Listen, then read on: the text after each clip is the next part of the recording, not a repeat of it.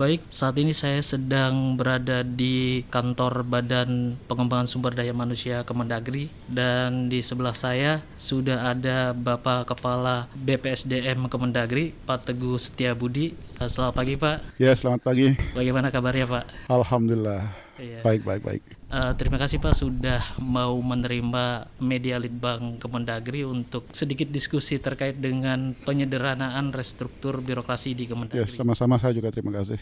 Ya, uh. selain sebagai kepala BPSDM Kemendagri, Bapak Teguh ini juga dipercaya sebagai ketua tim dari restrukturisasi di Kemendagri ya Pak. Jadi gini, uh, untuk tim uh, Kemendagri memang ada tim besar uh. gitu ya jadi ada pembina, ada pengarah dan saya kebetulan sebagai ketua pengarah. Okay. Di bawahnya lagi nanti ada pelaksanaan dan sebagainya.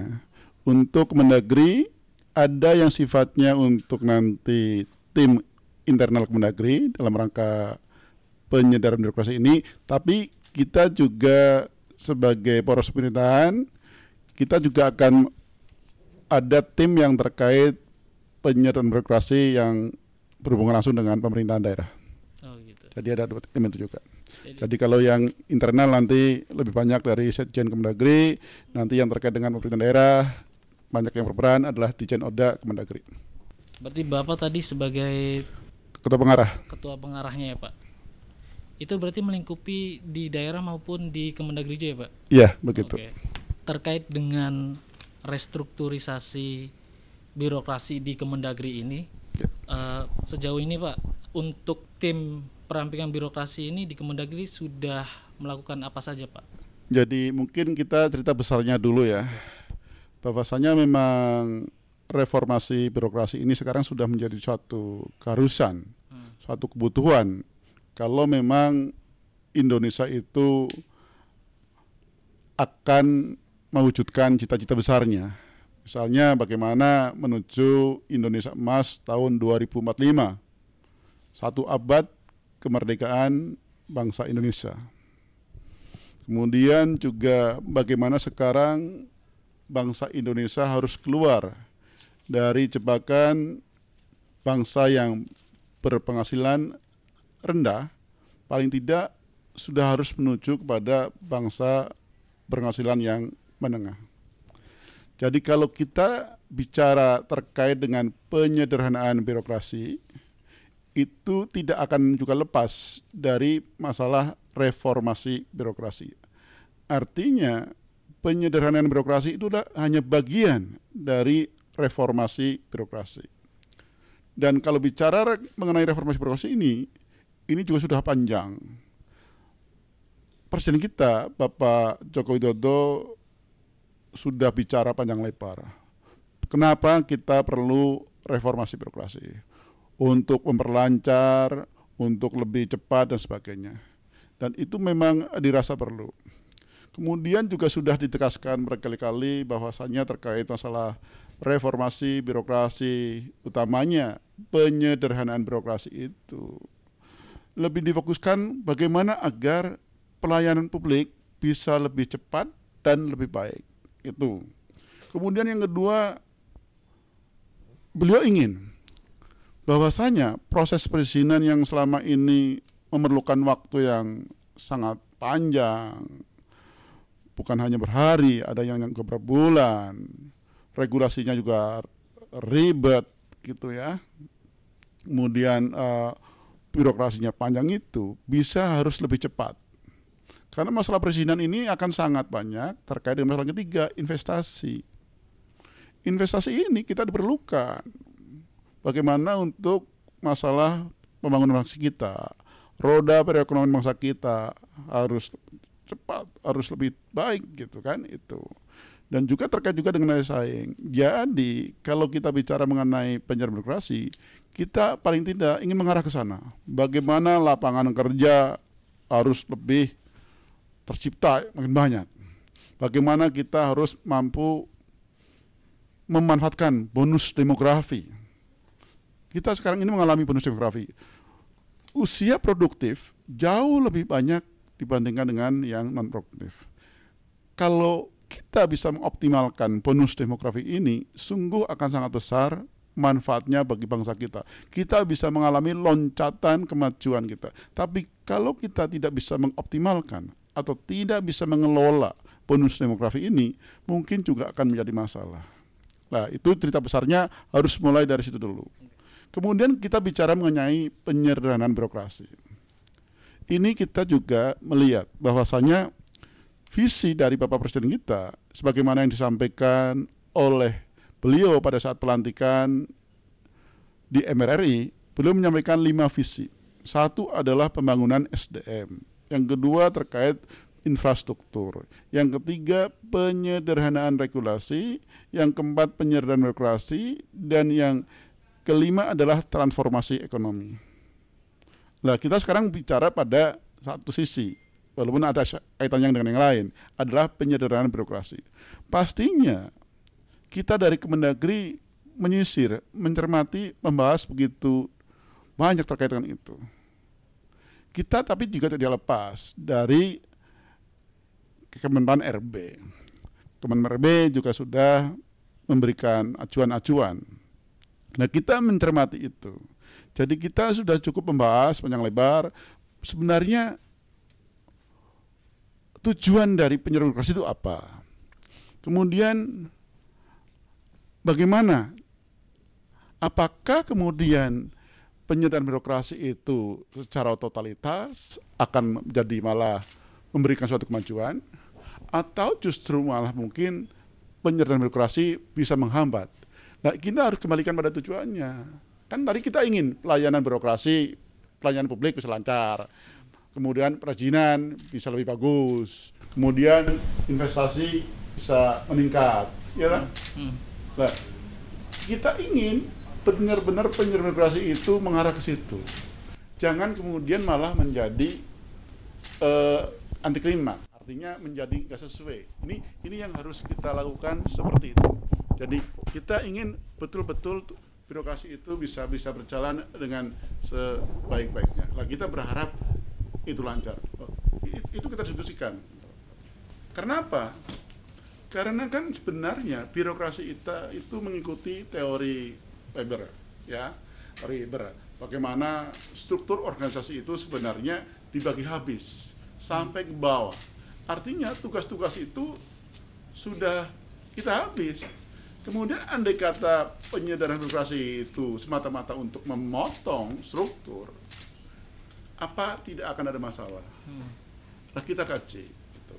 Lah kemudian tadi sudah saya bilang, untuk Kemendagri ada yang internal Kemendagri yang meliputi sekian komponen, 12 komponen termasuk PDN.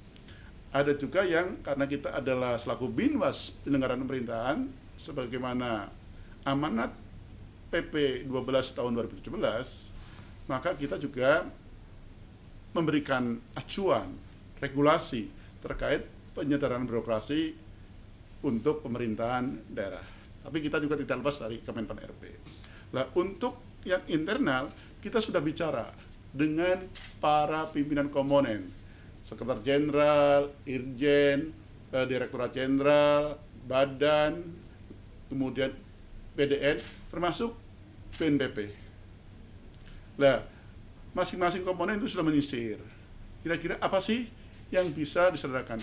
Ada transformasi dari jabatan struktural menjadi jabatan fungsional tertentu. Jabatan struktural apa yang kira-kira kemudian bisa ditransformasi ke jabatan fungsional tertentu? Kemudian jabatan fungsional tertentu apa yang kira-kira pas untuk menggantikan jabatan struktural tadi? Nah kita sudah kita sudah uh, identifikasi, sudah rekap, kita diskusikan, nah gitu kan. Akhirnya ketemulah, oh untuk Mendagri ada sekian jabatan eselon 3 administrator yang bisa ditransformasi ke jabatan fungsional tertentu. Ada kemudian jabatan eselon 4 yang bisa ditransformasi kepada jabatan tertentu. Nah, berdasarkan itu kemudian kita laporkan kepada pembina Pak Sekjen. Habis itu kita juga laporkan kepada Bapak Menteri Dalam Negeri. Dan kemudian Bapak Menteri Dalam Negeri menyampaikan terkait penyederhanaan birokrasi lingkup internal Kemendagri kepada Kemenpan RB. Dan pastinya nanti insya Allah juga akan dibahas antara Kemenpan RB dengan Kemendagri. Sedangkan untuk yang daerah, yang leading adalah Direktorat Jenderal Otonomi Daerah. Pak Menteri Dalam Negeri menerbitkan surat edaran terkait penyederhanaan birokrasi lingkup pemerintahan daerah, ya memerintahkan kepada gubernur, bupati, wali kota untuk melakukan identifikasi terkait hal-hal yang memang perlu ditransformasi. Tapi tentu saja kita utamanya adalah menyangkut tiga hal. Penyelenggaraan yang menyangkut masalah peran publik, perizinan, dan investasi. Nah, sementara mereka identifikasi pemerintah daerah. Kemudian nanti mencoba mencermati secara lebih jauh, kemudian juga nanti menyampaikan kepada kita dan akan kita bahas Nanti kita pastinya juga akan bahas dengan Kemenpan RP. Hmm. Itu yang sudah kita lakukan, tapi itu juga masih perlu pencermatan lebih lanjut. Hmm. Berarti udah ada konsep tawaran ke Menteri Dalam Negeri ya terkait dengan ini ya Pak uh, struktur tadi penyederhanaan struktur birokrasi di Untuk Kemendagri. Untuk ya? internal Kemendagri sudah ada surat nanti saya sampaikan aja suratnya ya biar iya, nggak salah gitu. Uh, sudah ada surat Pak Mendagri kepada Kemenpan RP. Dan nantinya akan dibahas antara Kemenpan dengan dengan uh, Kemendagri. Dan kami juga sudah melakukan komunikasi dengan jajaran pejabat di Kemenpan misalnya Sesmenpan dan para deputinya sudah pernah ketemu. Dan kami secara intens sekarang juga ada komunikasi lewat WA group antara Kemenpan RB dengan Kemendagri untuk terus membicarakan, mencermati dan mencari formula yang terbaik terkait penyederhanaan birokrasi ini uh, tadi kan Bapak menjelaskan terkait dengan proses sebelum uh, menawarkan konsep penyusunan struktur birokrasi gitu ya Pak. Ada kajian-kajian yang dilakukan iya, gitu, pastinya gitu. Uh, dan itu sudah dilakukan ya Pak. Oh iya, uh, kita uh. sudah ini kan untuk kami di Kemendagri kita semuanya bukan sesuatu yang kemudian uh, secara instan langsung kita pikirkan. Kita betul-betul mencermati gitu. Kalau kemudian penyerdanaan birokrasi lingkup Kemendagri ataupun bahkan mungkin yang lain, kementerian lain, juga kemudian eh, pemerintah daerah dilakukan secara buru-buru tiba-tiba tanpa kajian, kita khawatir arahan Bapak Presiden yang ingin bahwa penyederhanaan birokrasi bisa menopang percepatan dan peningkatan kualitas pelayanan publik, percepatan mengenai proses perizinan agar tidak berpublik, menopang peningkatan investasi dan daya saing nantinya khawatir malah tidak tercapai gitu. Hmm. Nah, kita betul-betul cermati. Namun demikian ya pastinya sekarang masih dalam proses, ada waktu juga. Kita bukannya mau berlama-lama, tapi kita juga tidak kemudian langsung seketika langsung berubah. Banyak hal yang terkait, bukan semata-mata transformasi jabatan struktural ke fungsi tertentu atau semata-mata dihapus. Tapi penghapusan jabatan struktural yang kemudian beralih pada fungsional itu itu membawa dampak yang besar gitu kan Presiden sudah menyampaikan bahwa nanti kalau yang reformasi kepada jabatan struktural tertentu misalnya adalah tingkat kesejahteraannya tidak berubah hmm. katakanlah penghasilannya relatif tidak berubah ini kan juga perlu perhitungan dari sisi keuangan. Nanti mungkin Kementerian Keuangan, Kementerian RP, dan sebagainya akan berhitung cermat. Kemudian, apakah sekonyong-konyong yang bertransformasi ke jabatan fungsional tertentu itu langsung kompeten di jabatan fungsional tertentu? Ini kan tidak. Orang yang tadi tidak dipersiapkan pada jabatan fungsional tertentu langsung ditempatkan, artinya dia itu perlu penambahan kompetensi. Tapi jabatan fungsional tertentu sebenarnya juga katakanlah akan sangat tergantung kepada passion, kepada jiwa seseorang itu. Dia diberikan ilmu sebagainya, tapi dia tidak ada passion di situ. Hmm. Jadi ini perlu kajian-kajian sebenarnya, tapi bukan berarti itu untuk memperlambat. Kita ingin tetap bahwa uh, penyederhanaan birokrasi itu memang suatu tuntutan. Kita ingin betul betul-betul yang katakanlah kata orang bijak kita harusnya miskin struktur kaya fungsi itu bisa terwujud. Kita juga tidak ingin organisasi jadi gemuk yang menjadi buat lamban dan kita ingin juga birokrasi kita ingin adalah efisien tapi juga birokrasi kita juga adalah efektif. Satu di antaranya adalah reformasi birokrasi. Okay. Salah satu bagian dari reformasi birokrasi adalah penyederhanaan birokrasi. Oke, okay, Pak. Pak, eh, ini kan ada kekhawatiran tadi kan eh, melakukan restrukturisasi dari struktur existing ya pak Ya. dari struktur yang ada gitu kan terus kemudian ada pemikiran bahwasanya restrukturisasi birokrasi bisa berangkat dari eh, tusi dari masing-masing komponen. Misalkan kayak di eh, di Litbang Kemendagri itu ada pemikiran adanya perubahan nomenklatur terkait dengan puslitbang kebutuhan puslitbang terus kemudian eh, turun ke bawahnya komposisinya seperti apa. Dan pertanyaan saya apakah eh, diberikan leluasa untuk komponen untuk merubah eh, struktur semacam itu pakai nomenklatur dan sebagainya itu untuk untuk tadi untuk menghasilkan struktur yang ideal gitu Oke. pak Bukan diberi keleluasaan, diberikan kesempatan untuk mencermati, untuk bersama mengkaji bagaimana masing-masing komponen itu terkait penyelenggaraan demokrasi ini tepatnya seperti apa. Tidak semua jabatan yang ada di tiap-tiap komponen itu cocok dan efektif serta efisien langsung menjadi CFT. Tapi memang ada beberapa komponen, misalnya di misalnya di Badan Penelitian dan Pengembangan misalnya ya kita bicara. Di situ mungkin akan banyak peneliti dalam kerangka untuk mewujudkan kualitas penelitian. Perlu itu memang dibekali. Tapi pertanyaannya apakah semuanya akan menjadi peneliti? Pastinya harus kita kaji dulu. Gitu kan? Demikian juga di PSDM. Apakah kemudian seluruhnya akan jadi suara? Kan tidak. Terus pas ada mungkin kita ada perancang pengembangan teknologi pembelajaran. Tapi apakah bicara PSDM hanya itu saja? Kan ini harus kita pikirkan dengan cermat. Ada mungkin analisis kebijakan. Gitu. Lah, ini kita juga nanti harus ada pemikiran lebih lanjut.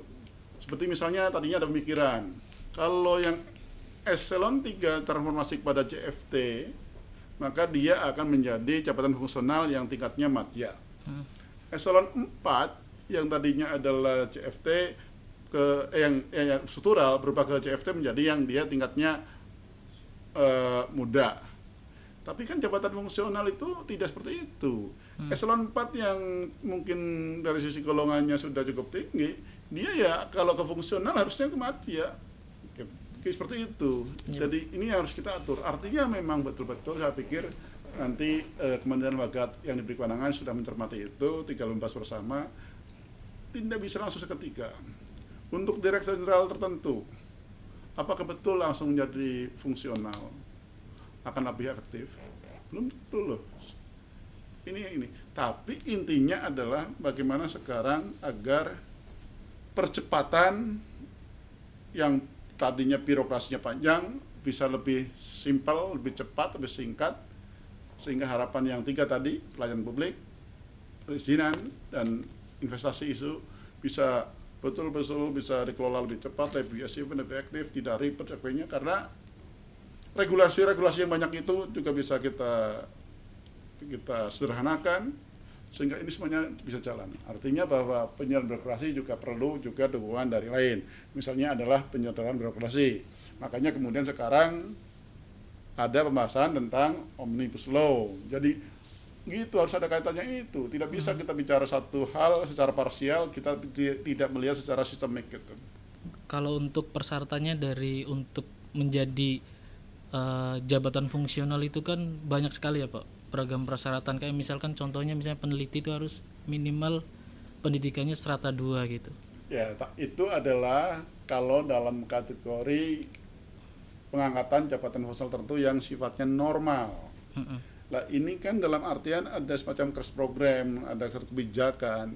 Kalau itu mau dilakukan, ya mestinya prosesnya tidak selalu harus demikian. Prosesnya adalah melalui in passing. Kalau in passing berarti ada kemudahan-kemudahan tertentu yang Oke. diberikan kepada pejabat tersebut untuk bertransformasi menjadi jabatan fungsional tertentu. Tapi masalahnya juga adalah ini penugasan. Walaupun penugasan, sekali lagi jabatan fungsional itu passion seseorang loh. Dia ditugasin. Pokoknya kamu tidak milih, kamu diberikan tempat di CFT ini. Tapi apakah dia betul-betul cocok? Belum tentu. Ini bisa menjadi suatu, menurut saya ya, ini bisa menjadi masalah besar. Dia ditempatkan di situ, tapi dia tidak ada passion, tidak ada punya kompetensi. Pemberian pengembangan kompetensi juga dengan insight itu tidak bukan waktu yang mudah. Tapi kalau dia tidak punya passion, punya jiwa, diberikan insight dengan tertentu juga tidak akan pas. Artinya mungkin justru dia beralih ke jabatan fungsional tertentu bisa menjadi hal yang uh, kontraproduktif hmm. gitu. Menurut saya begitu. Iya. Tapi sekali lagi bukan kita artinya ingin menentang, tidak kita ikutin. Cuma mungkin tidak kemudian secara totalitas berubah. Kita harus betul-betul selektif memikirkannya. Mm -hmm. uh, tadi kan kalau jabatan fungsional terkait dengan passion ya Pak. Terus apakah ada jajak minat untuk para pegawai di internal Kemendagri, Pak? Nah, itulah yang itu yang yang mestinya ya kita akan cermati ke situ. Contoh gini, apakah orang cer, orang pintar cocok jadi guru semuanya? Tidak Be kan? Belum tentu, Pak. Apakah orang BPSDM yang pintar, apalagi yang bodoh gitu, huh? cocok jadi suara? Tidak kan? Orang pintar belum tentu dia bisa mengajar dengan baik. Apalagi untuk jabatan tertentu. Yang not that bene jabatan fungsional itu berbeda dengan jabatan struktural. Dia untuk naik pangkat saja melalui angka kredit, ya kan? Ya. Artinya berbagai hal harus dilakukan. Kerja-kerja mandiri harus lebih banyak lagi. Nah, ini menjadi masalah tertentu yang harusnya kita bahas bersama gitu. Nah, untuk Mendagri sampai saat ini nanti polanya ya sedang kita cermati bersama apakah nanti akan ada penawaran hmm. atau iswatnya penugasan. Masing-masing punya plus minus kalau penawaran, belum tentu orang yang tadinya struktural akan langsung mau menjadi jabatan tertentu, ya kan? Kalau penawaran. Hmm. Tapi kalau kemudian e, langsung dipaksakan ini penugasan, kalau kita tidak cermat memberikan penugasan seseorang dia langsung beralih ke fungsional, bisa juga kontraproduktif. Hmm. Artinya bahwa dua hal itu menurut saya itu adalah komunikasi dan sebagainya e, perlu.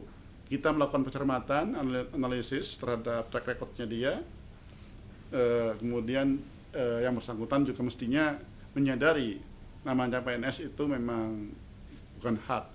Dia itu harus juga memiliki kewajiban-kewajiban tertentu yang harus lakukan tapi sekali lagi sesuatu yang sifatnya dipaksakan bukan hanya masalah satu hal ini hmm. masalah-masalah yang lain ya iya. kalau sesuatu dipaksakan pasti biasanya nggak akan bagus sesuatu yang dipaksa ya. pasti dampaknya Tapi, ya, ini. saya kita mendukung karena untuk ke depannya pasti akan lebih bagus itu.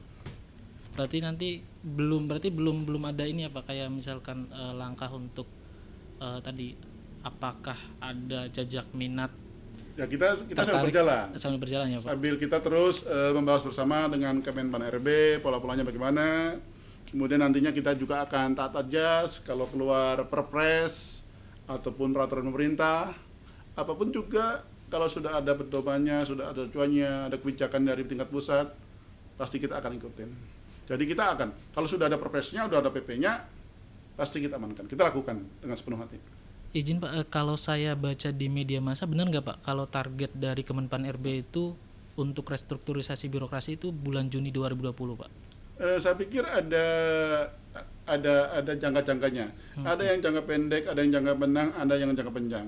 Dan masing-masing jangka itu punya target jangka pendek apa pak kira-kira pak? Untuk... Jangka pendek adalah konsolidasi termasuk di dalamnya gitu kan sosialisasi dan sebagainya itu seperti itu.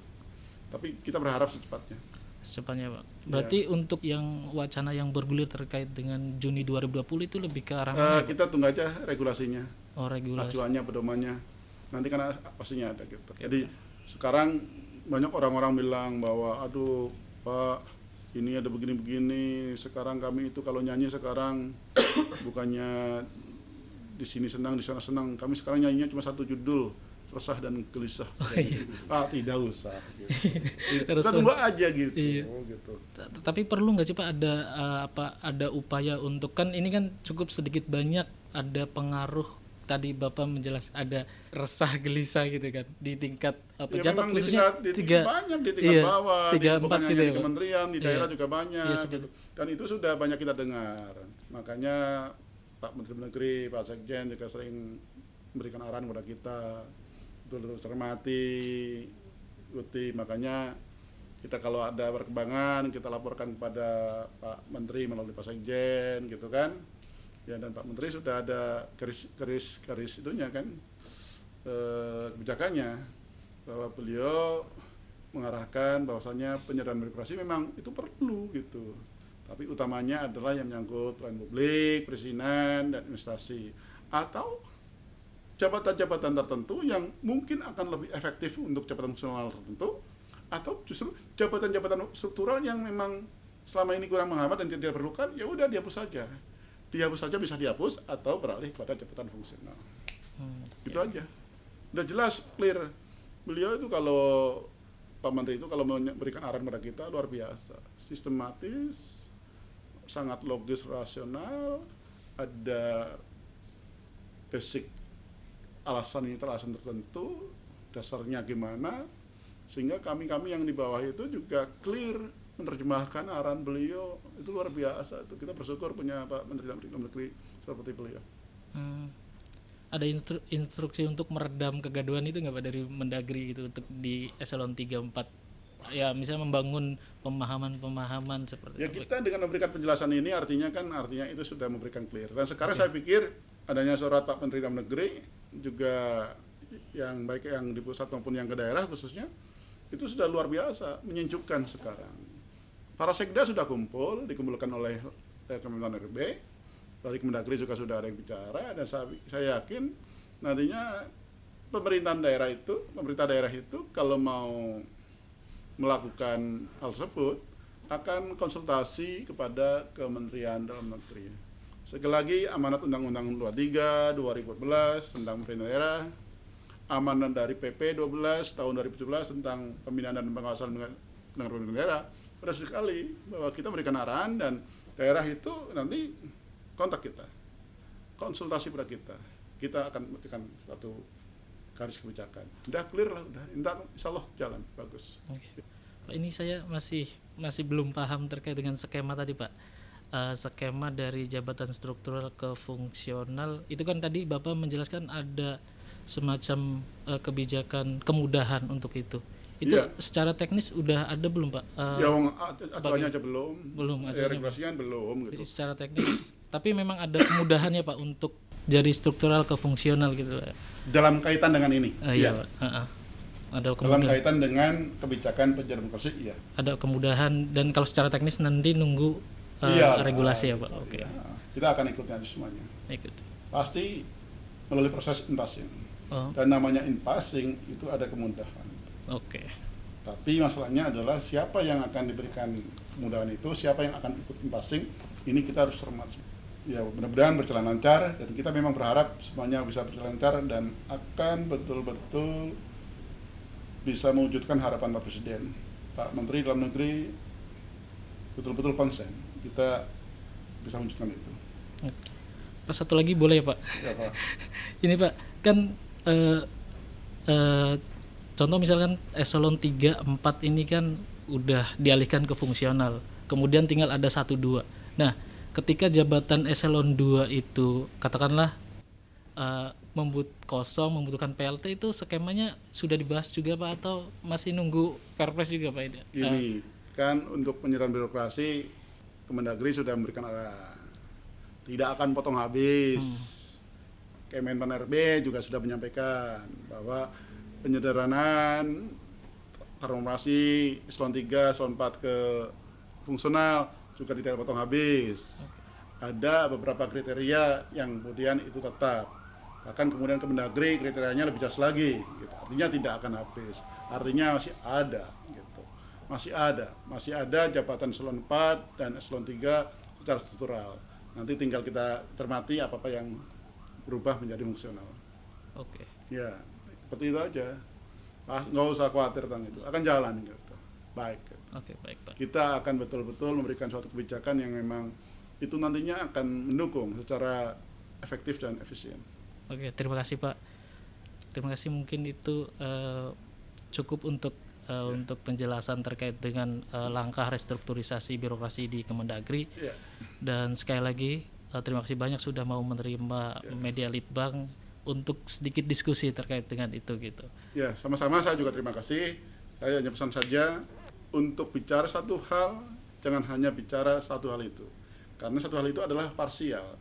Kita harus bicara dengan hal-hal yang lainnya sehingga kita bicara secara sistem. Akhirnya untuk memecahkan sesuatu jangan pecahkan secara parsialnya, tapi kita harus berpikir secara komprehensif sehingga akar masalahnya pun bisa terdapat. Ya. Oke, baik Pak. Terima Terima kasih. kasih. Selamat siang Pak. Siang, ya.